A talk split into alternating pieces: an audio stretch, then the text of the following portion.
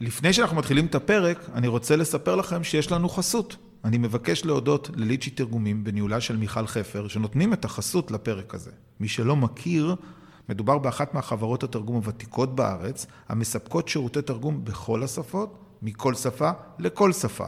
פרטים נוספים, lichy.coil, זה www.lichi.co.il.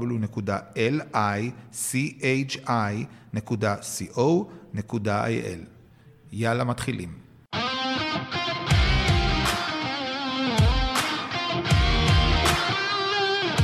אמריקה בייבי, הפודקאסט שהוא שער הכניסה להבנת ההיסטוריה, החברה והפוליטיקה בארצות הברית, בהנחיית קובי ברדה.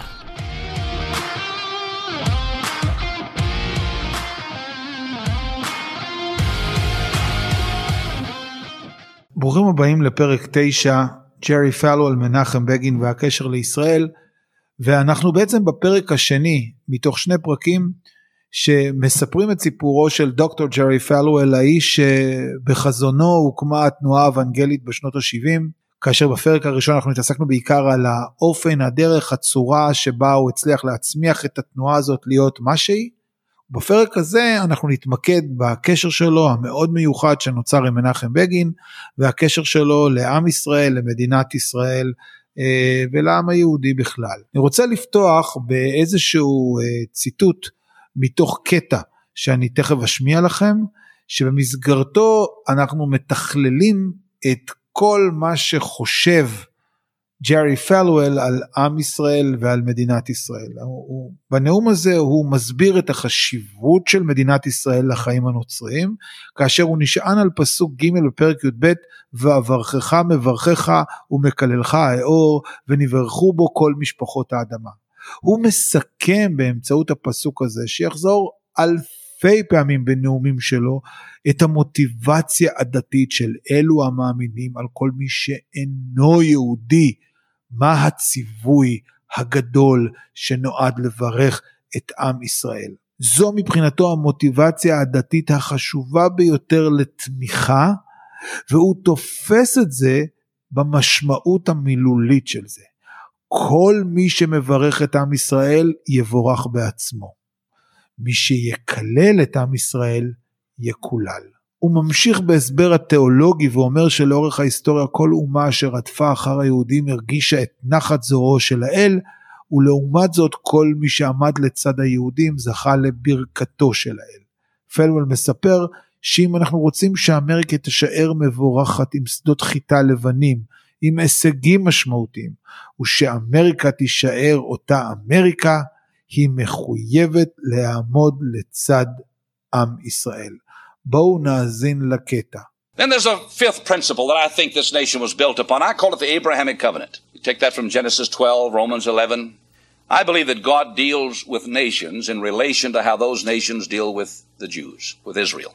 I get a lot of, I'm on the front cover right now of the U.S. Nazi Party's magazine, and it says uh, public enemy number one. Jerry Falwell, enemy of the white race. I'm not an enemy of the white race, I'm one of them.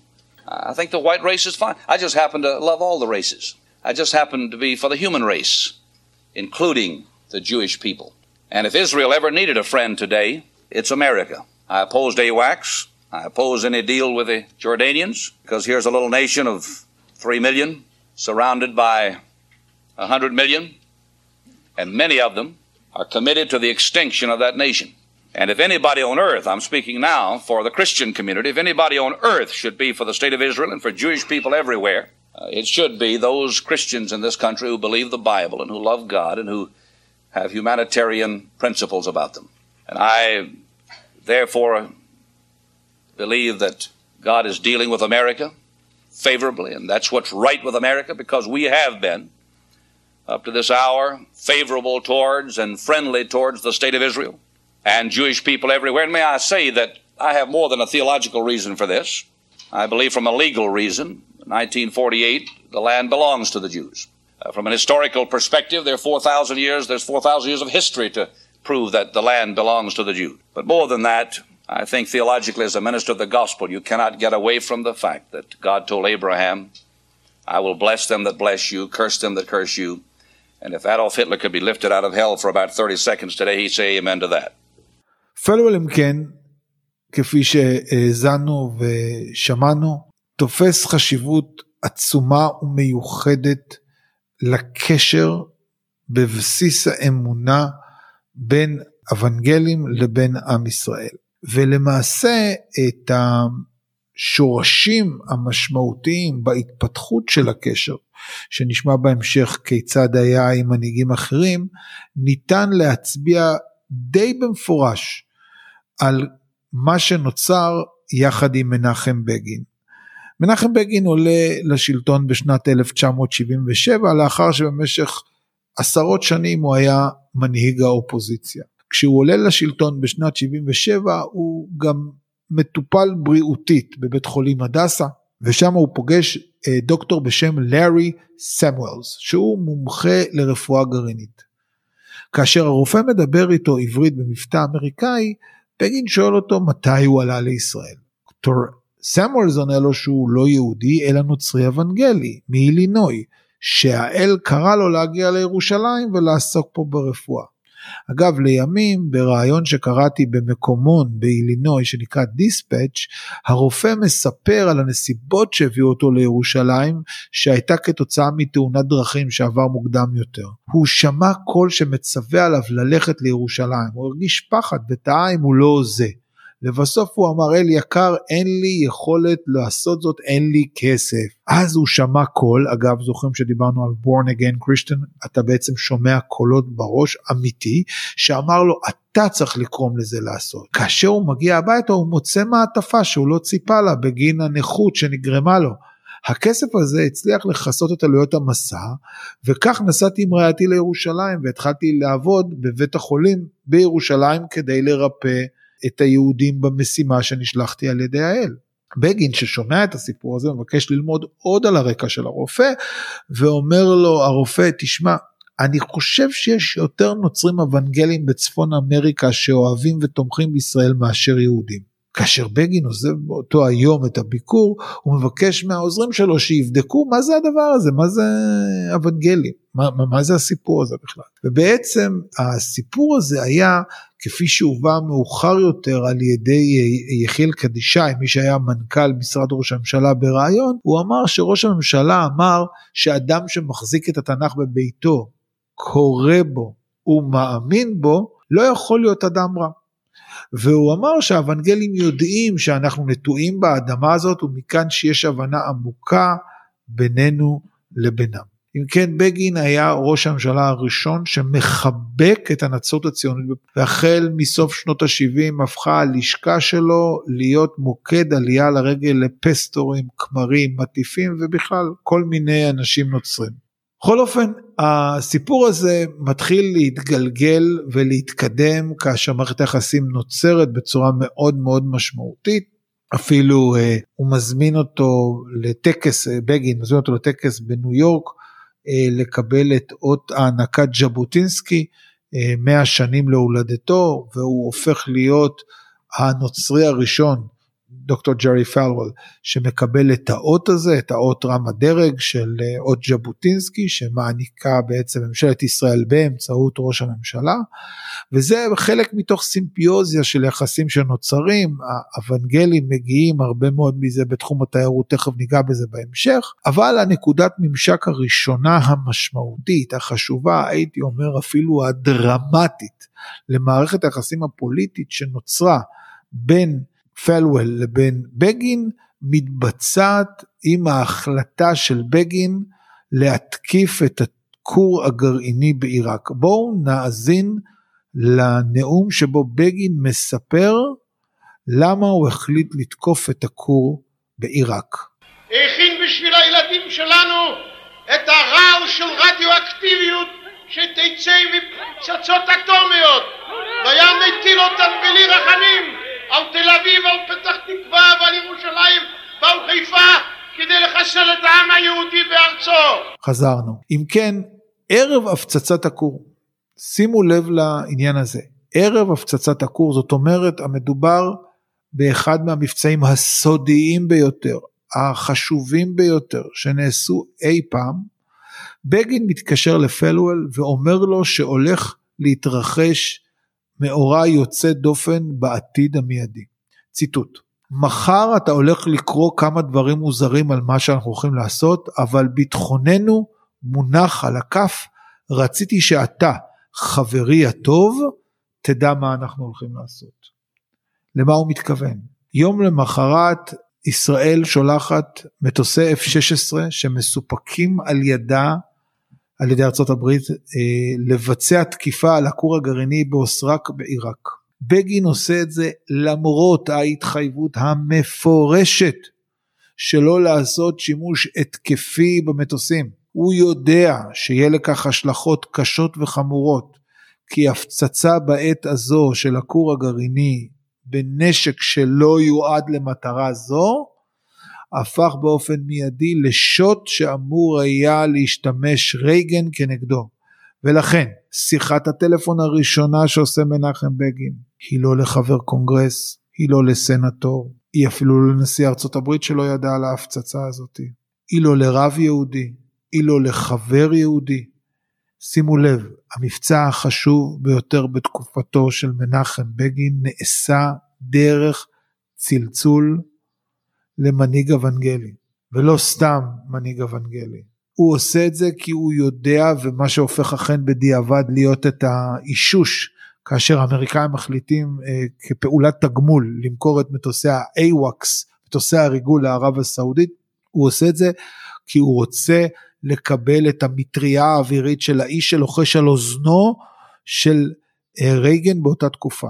ובמענה לנושא הזה אומר לו פלוול, אני רוצה זה אגב בשיחה שמתבצעת אחרי ההפצצה, זאת אומרת, ערב ההפצצה הוא מתקשר ומכין אותו שהולך לקרות משהו, לאחר ההפצצה הוא, הוא מתקשר לפלוול ופלוול אומר לו את הדבר הבא, אני רוצה לברך אותך על המשימה שגורמת לנו להיות גאים מאוד בכך שייצרנו את מטוסי ה-F-16 האלה.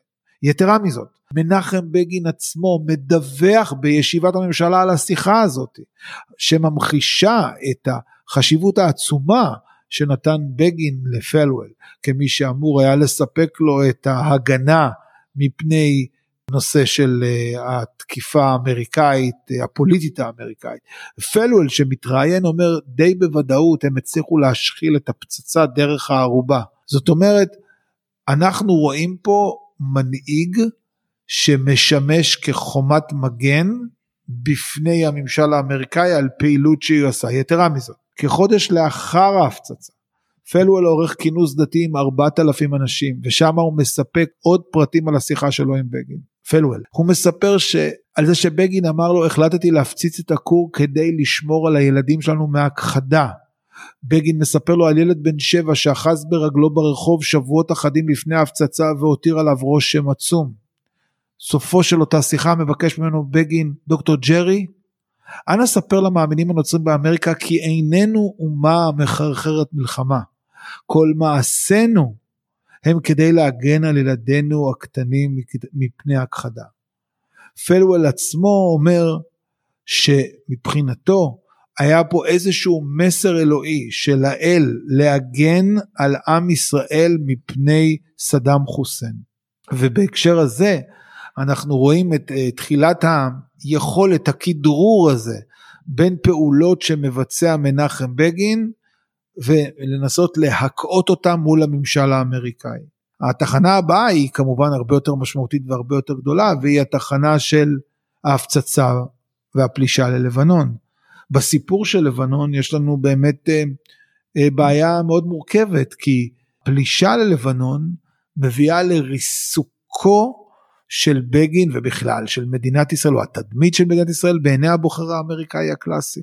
הפלישה ללבנון היא נקודת שפל הנמוכה ביותר שהייתה לישראל מאז החלו הסקרים של גלופ והתפקיד של ג'רי פלוול היה לנסות ולספק הגנה עבור אה, מדינת ישראל בתוך אותו מהלך של תקיפה. יתרה מזאת, חלק מהדברים שנעשו באותה תקופה, למשל, פלוול מארגן בשם ממשלת ישראל מסע ללבנון לתעד את מה שקורה שם, הוא מספר, פלוול, לאחר שיחה עם בגין ובשיא המצור על, על ביירות ארגנתי משלחת של 50 אנשי דת לבקר את שדות הקרב ולהיות עדים למה שנעשה שם ממבט ראשון. אחרי שהוא חוזר פלואל מתאר את הנושא שלו לעיתונאים שהיה במקום ואומר אכן למעשה הייתה התנהלות מלחמתית כירורגית של צה"ל ומתוך דאגה לציבור התמים. כאשר הוא נשאל לעניין הטבח בסבא בשתילה הוא מגיב שזו אמנם הייתה טעות ישראלית אבל פלסטינאים הם אלה שאשמים בזה. כלומר פלואל הופך להיות קצין ההסברה של מלחמת לבנון הוא גם כן אה, מקפיד אה, לשמור קשרים עם, אה, עם אריאל שרון בתקופת המלחמה כאשר אריאל שרון הופך לסוג של מצורע בעיני הבריות והתפקיד שלו בטח כשהממשל הוא רפובליקני הוא לשמש כווסת או כלוקד ברקים מצד אחד של הממשל ומצד שני יכולת דברור יתרה מזאת על פי בקשה סלש דרישה של השגרירות הישראלית כאשר היו מגיעים אנשי דת נוצריים מלבנון בניסיון לפגוש את ג'רי פלוול, הוא קודם היה מעביר את השמות שלהם לשגרירות כדי לקבל אפשרות האם לפגוש או לא לפגוש. תראו עד כמה הוא עבד בשירותה של מדינת ישראל בתוך התהליך הזה.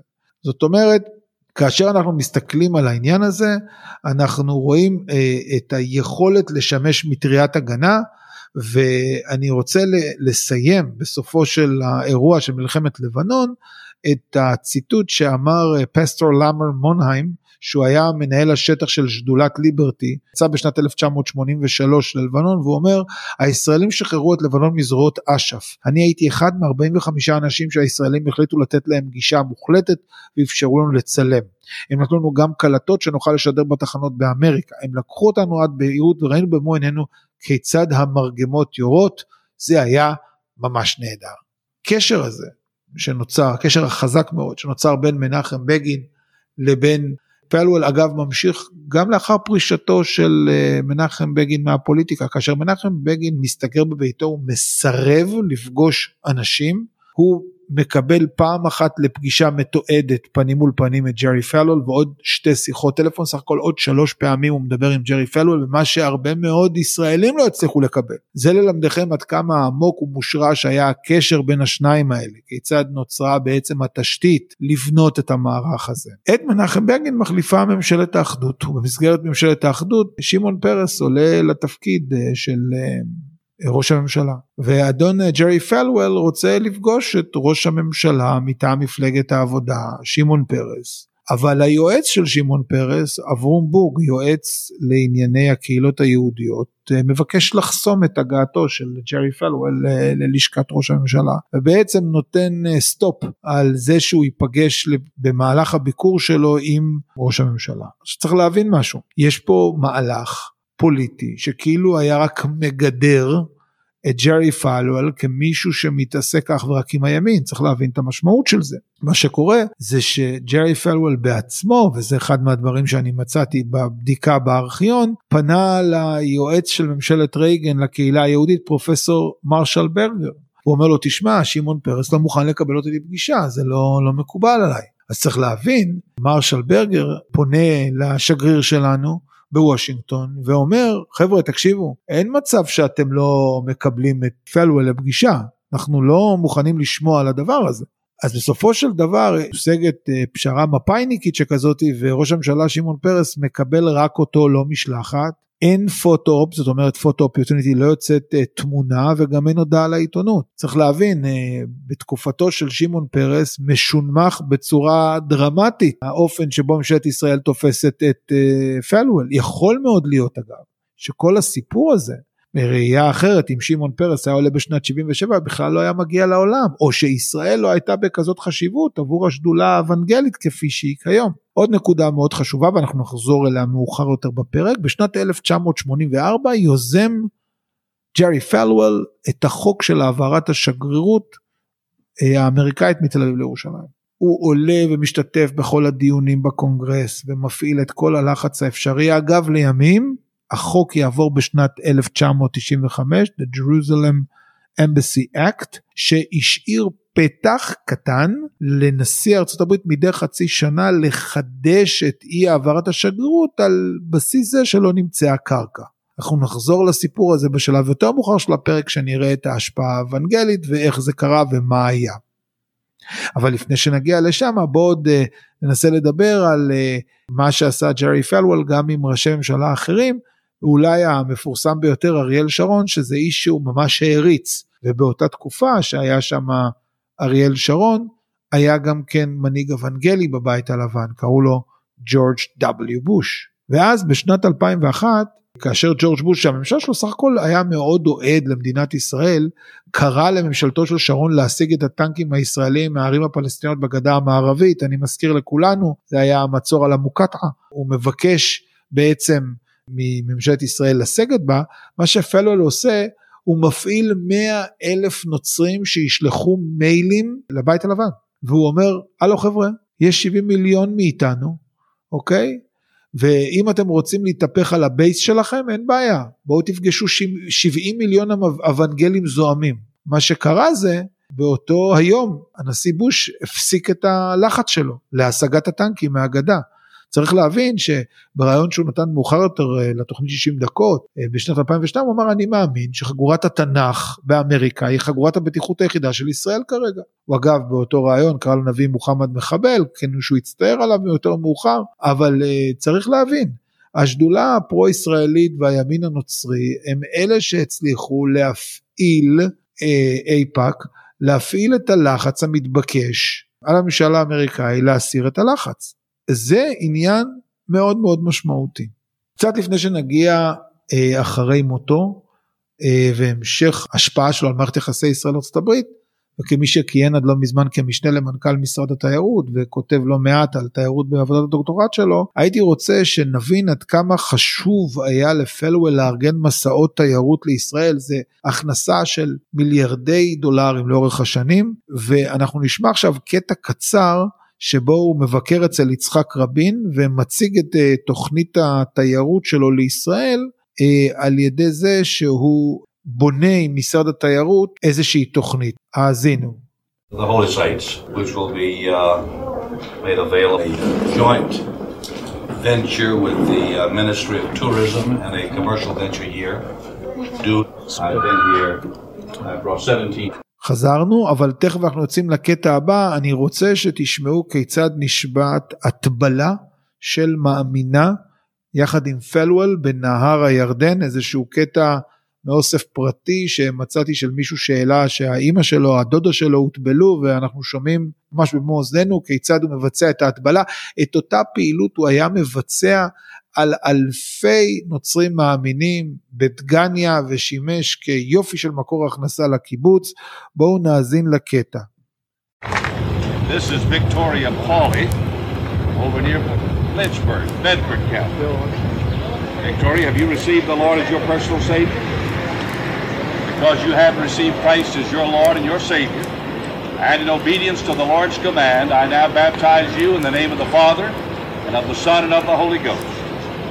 Buried in the likeness of his death, raised in the likeness of his resurrection. אם כן, ג'רי פלוול הולך לעולמו בשנת 2007, אבל המורשת שלו לא רק שהיא לא מתה, המורשת שלו מתעצמת לאורך השנים.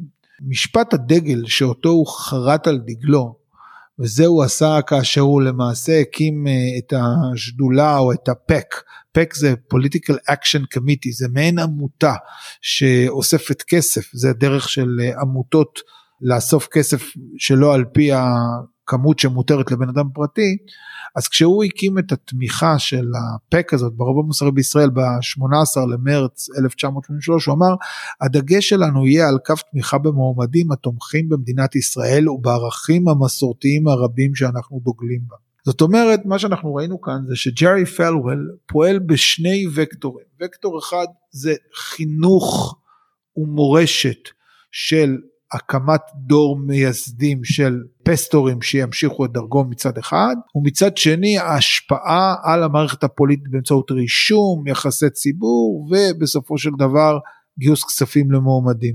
במהלך המחקר שלי אני עשיתי אה, כמה שאלונים שקיבלתי עליהם תשובה מפסטורים ונורא רציתי להבין כיצד ומה הייתה המשמעות של אותו פסטור שמגיע לכנסייה שבחלק מהכנסיות באותם 200 כנסיות שהצלחתי לדגום יש מכנסייה של 10 או 12 מאמינים בדף הפייסבוק עד עשרות אלפים וניסיתי להבין איזה חלק בחיי היום יום שלהם תופס את ישראל. מה הצעדים האפקטיביים שהם עושים למען ישראל.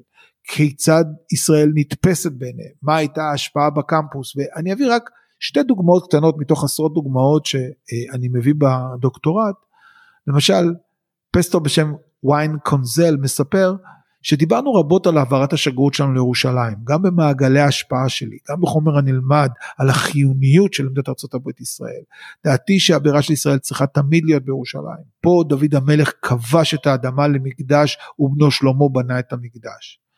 עוד פסטור בוגר ליברטי, ג'ף סטרט אומר, הלכתי לבתי המחוקקים של המדינה ודיברתי בשם מספר נושאים כולל זכות הקיום הריבונית של מדינת ישראל והעברת השגרירות לירושלים. דיברתי גם עם מספר רב של מחוקקים לאומיים ומדינתיים באופן פרטי ועודדתי את הקהילה שלי להביע את עמדה הפרו ישראלית, ג'ף סטוארט.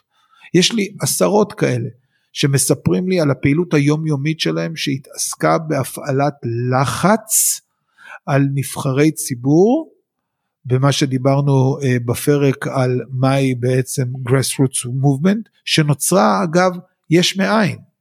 בניגוד לשדולת אייפאק שהיא אלף איש שמייצרת מעגלי השפעה זאת אומרת מיטוב השימוש של הכוחות הקיימים פה אנחנו מדברים על ההמצאה על יצירה על הפיכה של קהל שהופך להיות כל כולו מוכוון לטובת אה, מדינת ישראל.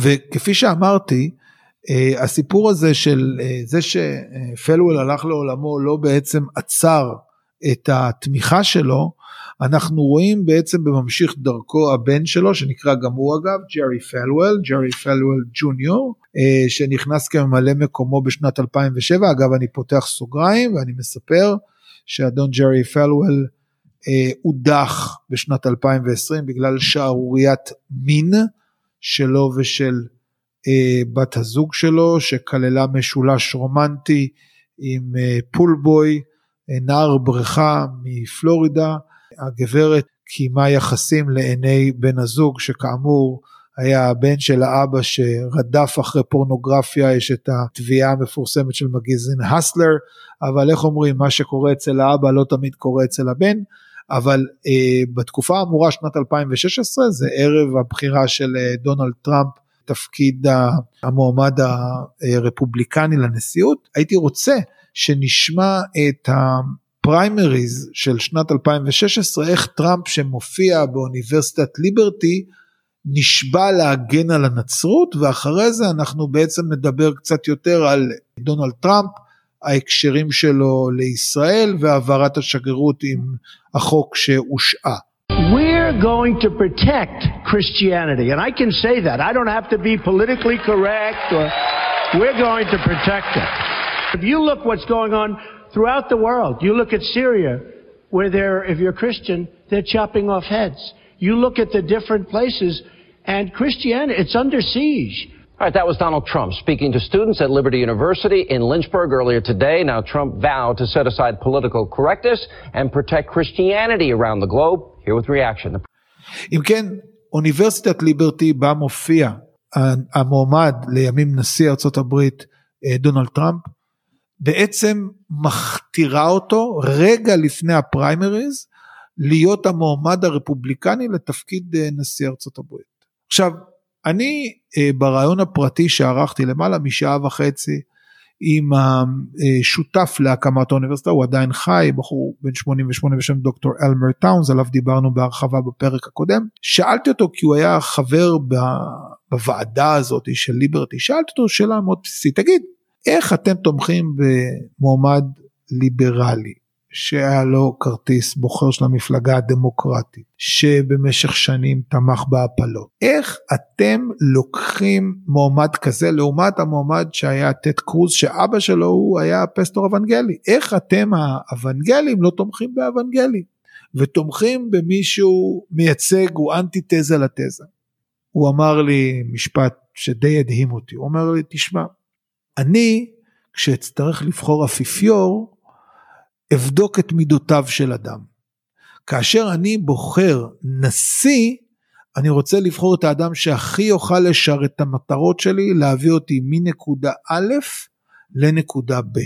רוצה לומר, התנועה האוונגלית שהחליטה לצדד בנשיא דונלד טראמפ, במועמד דונלד טראמפ, ושלא יהיה שום ספקות. אם לא התמיכה האוונגלית, דונלד טראמפ מעולם לא היה נבחר להיות הנציג של המפלגה הרפובליקנית או המועמד של המפלגה הרפובליקנית לנשיאות ארצות הברית, נעשה מתוך הבנה קרה שהוא האיש שיוכל, או אם תרצו, הוא הפיל, הפיל זה הסמל הרפובליקני, הוא הפיל שעליו האוונגלים יוכלו לרכב כדי לממש את המאוויים הכמוסים והסודיים ביותר שלהם. ולכן, כפי שג'רי פלוול האב לקח שחקן קולנוע ממדינה דמוקרטית כמו קליפורניה, שהתגרש שלוש פעמים, שלא נודע בזכות אה, חסדיו הנוצריים, אבל להשתמש בו כמה שספר אכלבסקי קרא לזה חמורו של משיח, זאת אומרת במקרה שלהם פילו של אוונגליסט, רכב עליו כל הדרך לשמונה שנים שבהם העביר את כל האג'נדה האוונגלית שאותה הוא רצה, כזה היה דונלד טראמפ. הם ראו בו מכשיר שכל התפקיד שלו לקדם שני מאוויים. הראשון והיותר חשוב, מינוי של שופטים לבית המשפט העליון, משימה שבה טראמפ הצליח בצורה יוצאת דופן, הוא הצליח למנות שלושה שופטים שמרנים, והמשימה השנייה, להעביר את השגרירות לירושלים.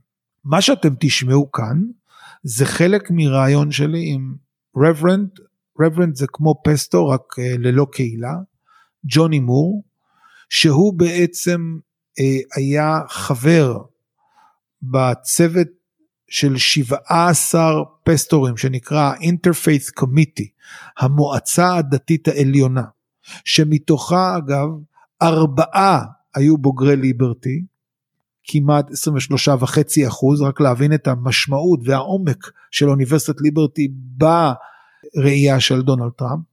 החלק הספציפי הזה שגזרתי עבורכם מתוך הריאיון מספר בפעם הראשונה שאתם תוכלו להאזין מה הייתה הדרישה של אותם אנשים ביום ההשבעה של טראמפ מאחורי דלת סגורה ומה הייתה החשיבות להעברת השגרירות לירושלים. בואו נאזין כעת לג'וני מור, Reverend ג'וני מור, סגן נשיא אוניברסיטת ליברטי לענייני תקשורת, הוא בעל חברת יחסי ציבור ומדיה, ומי ששימש כפסטור של טראמפ. האזינו.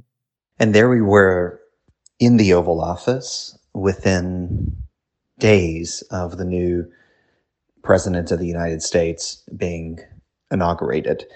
but but it wasn't just like uh, a group of visitors uh, t- take, taking in the scenery. Uh, we'd spent the entire morning in the adjacent Eisenhower Executive Office building working together on our plan and our agenda uh, as as key constituents, as, as the representatives of the evangelical community in the United States of America.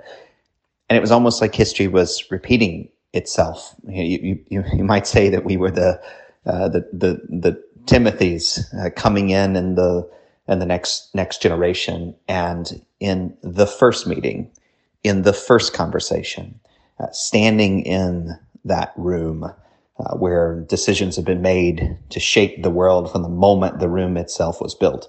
We laid out uh, a few of our top priorities.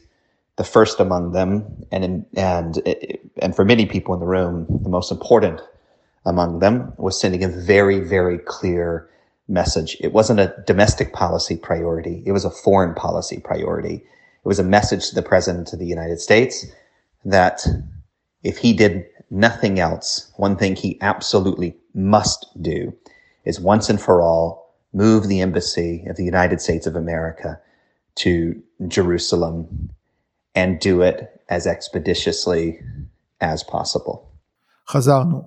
אם כן, הלחץ הזה, הלחץ של האוונגליסטים, האוונגלים, שמתחיל בשנת 1971 בהקמת מכללה עם 141 סטודנטים, עובר דרך כל שנות ה-70 וה-80 ההתחלה של עבודת החקיקה להעביר את השגרירות לירושלים, ממשיך דרך החוק ב-1995, דרך המלכתו של, אה, או הכתרתו של דונלד טראמפ כמועמד הרפובליקני בשנת 2016 מגיע ל peak שמיד תאזינו במו אוזניכם. הקטע הקרוב שתשמעו ניקח מתוך עצרת בחירות ב-20 לאוגוסט 2020 בעיר שנקראת אושקוש במדינה שנקראת וויסקונסין.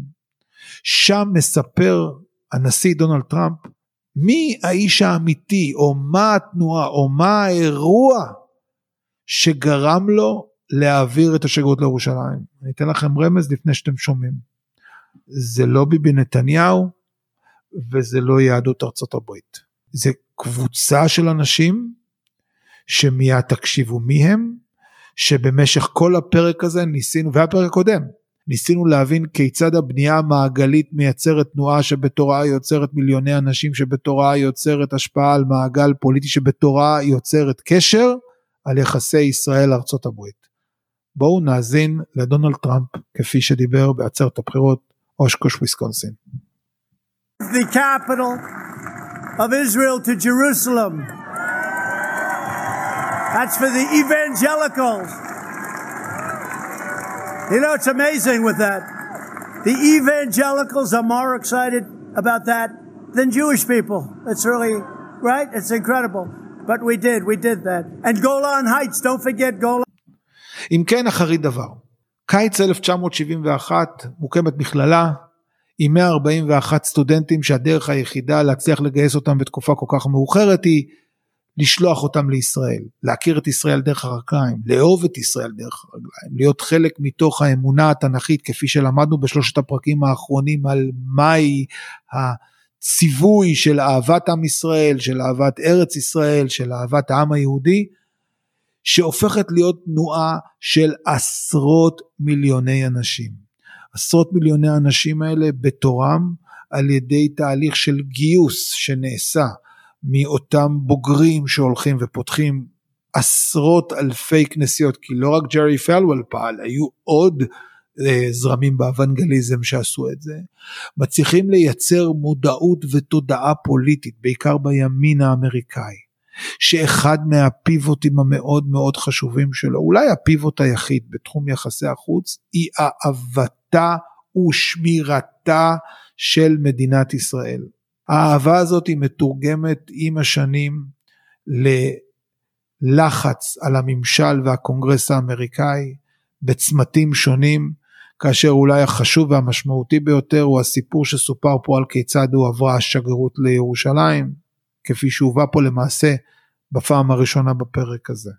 בפרקים הבאים נתעסק בנושאים שקשורים להיסטוריה של הפוליטיקה האמריקאית, ננסה להבין ביחד עם שותפים לדרך שנראיין מה הם אלקטורים, כיצד בוחרים נשיא, מהו הקונגרס, מה זה סנאט, מהו מחוז בחירה ועוד אה, שאלות כאלה ואחרות שנוכל בסופו של דבר לעשות את תהליך יישור הקו שממנו נוכל להתחיל לקפוץ לכל נושא שמעניין אותנו דהיום עם השלכות או הפניות לפרקים הקודמים.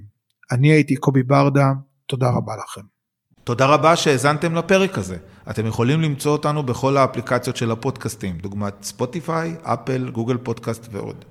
ושוב, המון תודה לליצ'י תרגומים בהנהלת מיכל חפר, בית לשירותי תרגום בכל השפות על חסותם לפרק זה, שניתן למצוא באתר lichy.coil, זה www.lichi.co.il.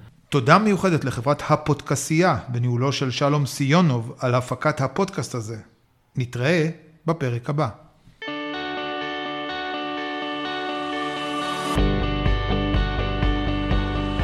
קובי ברדה הוא דוקטורנט להיסטוריה פוליטית אמריקאית באוניברסיטת חיפה.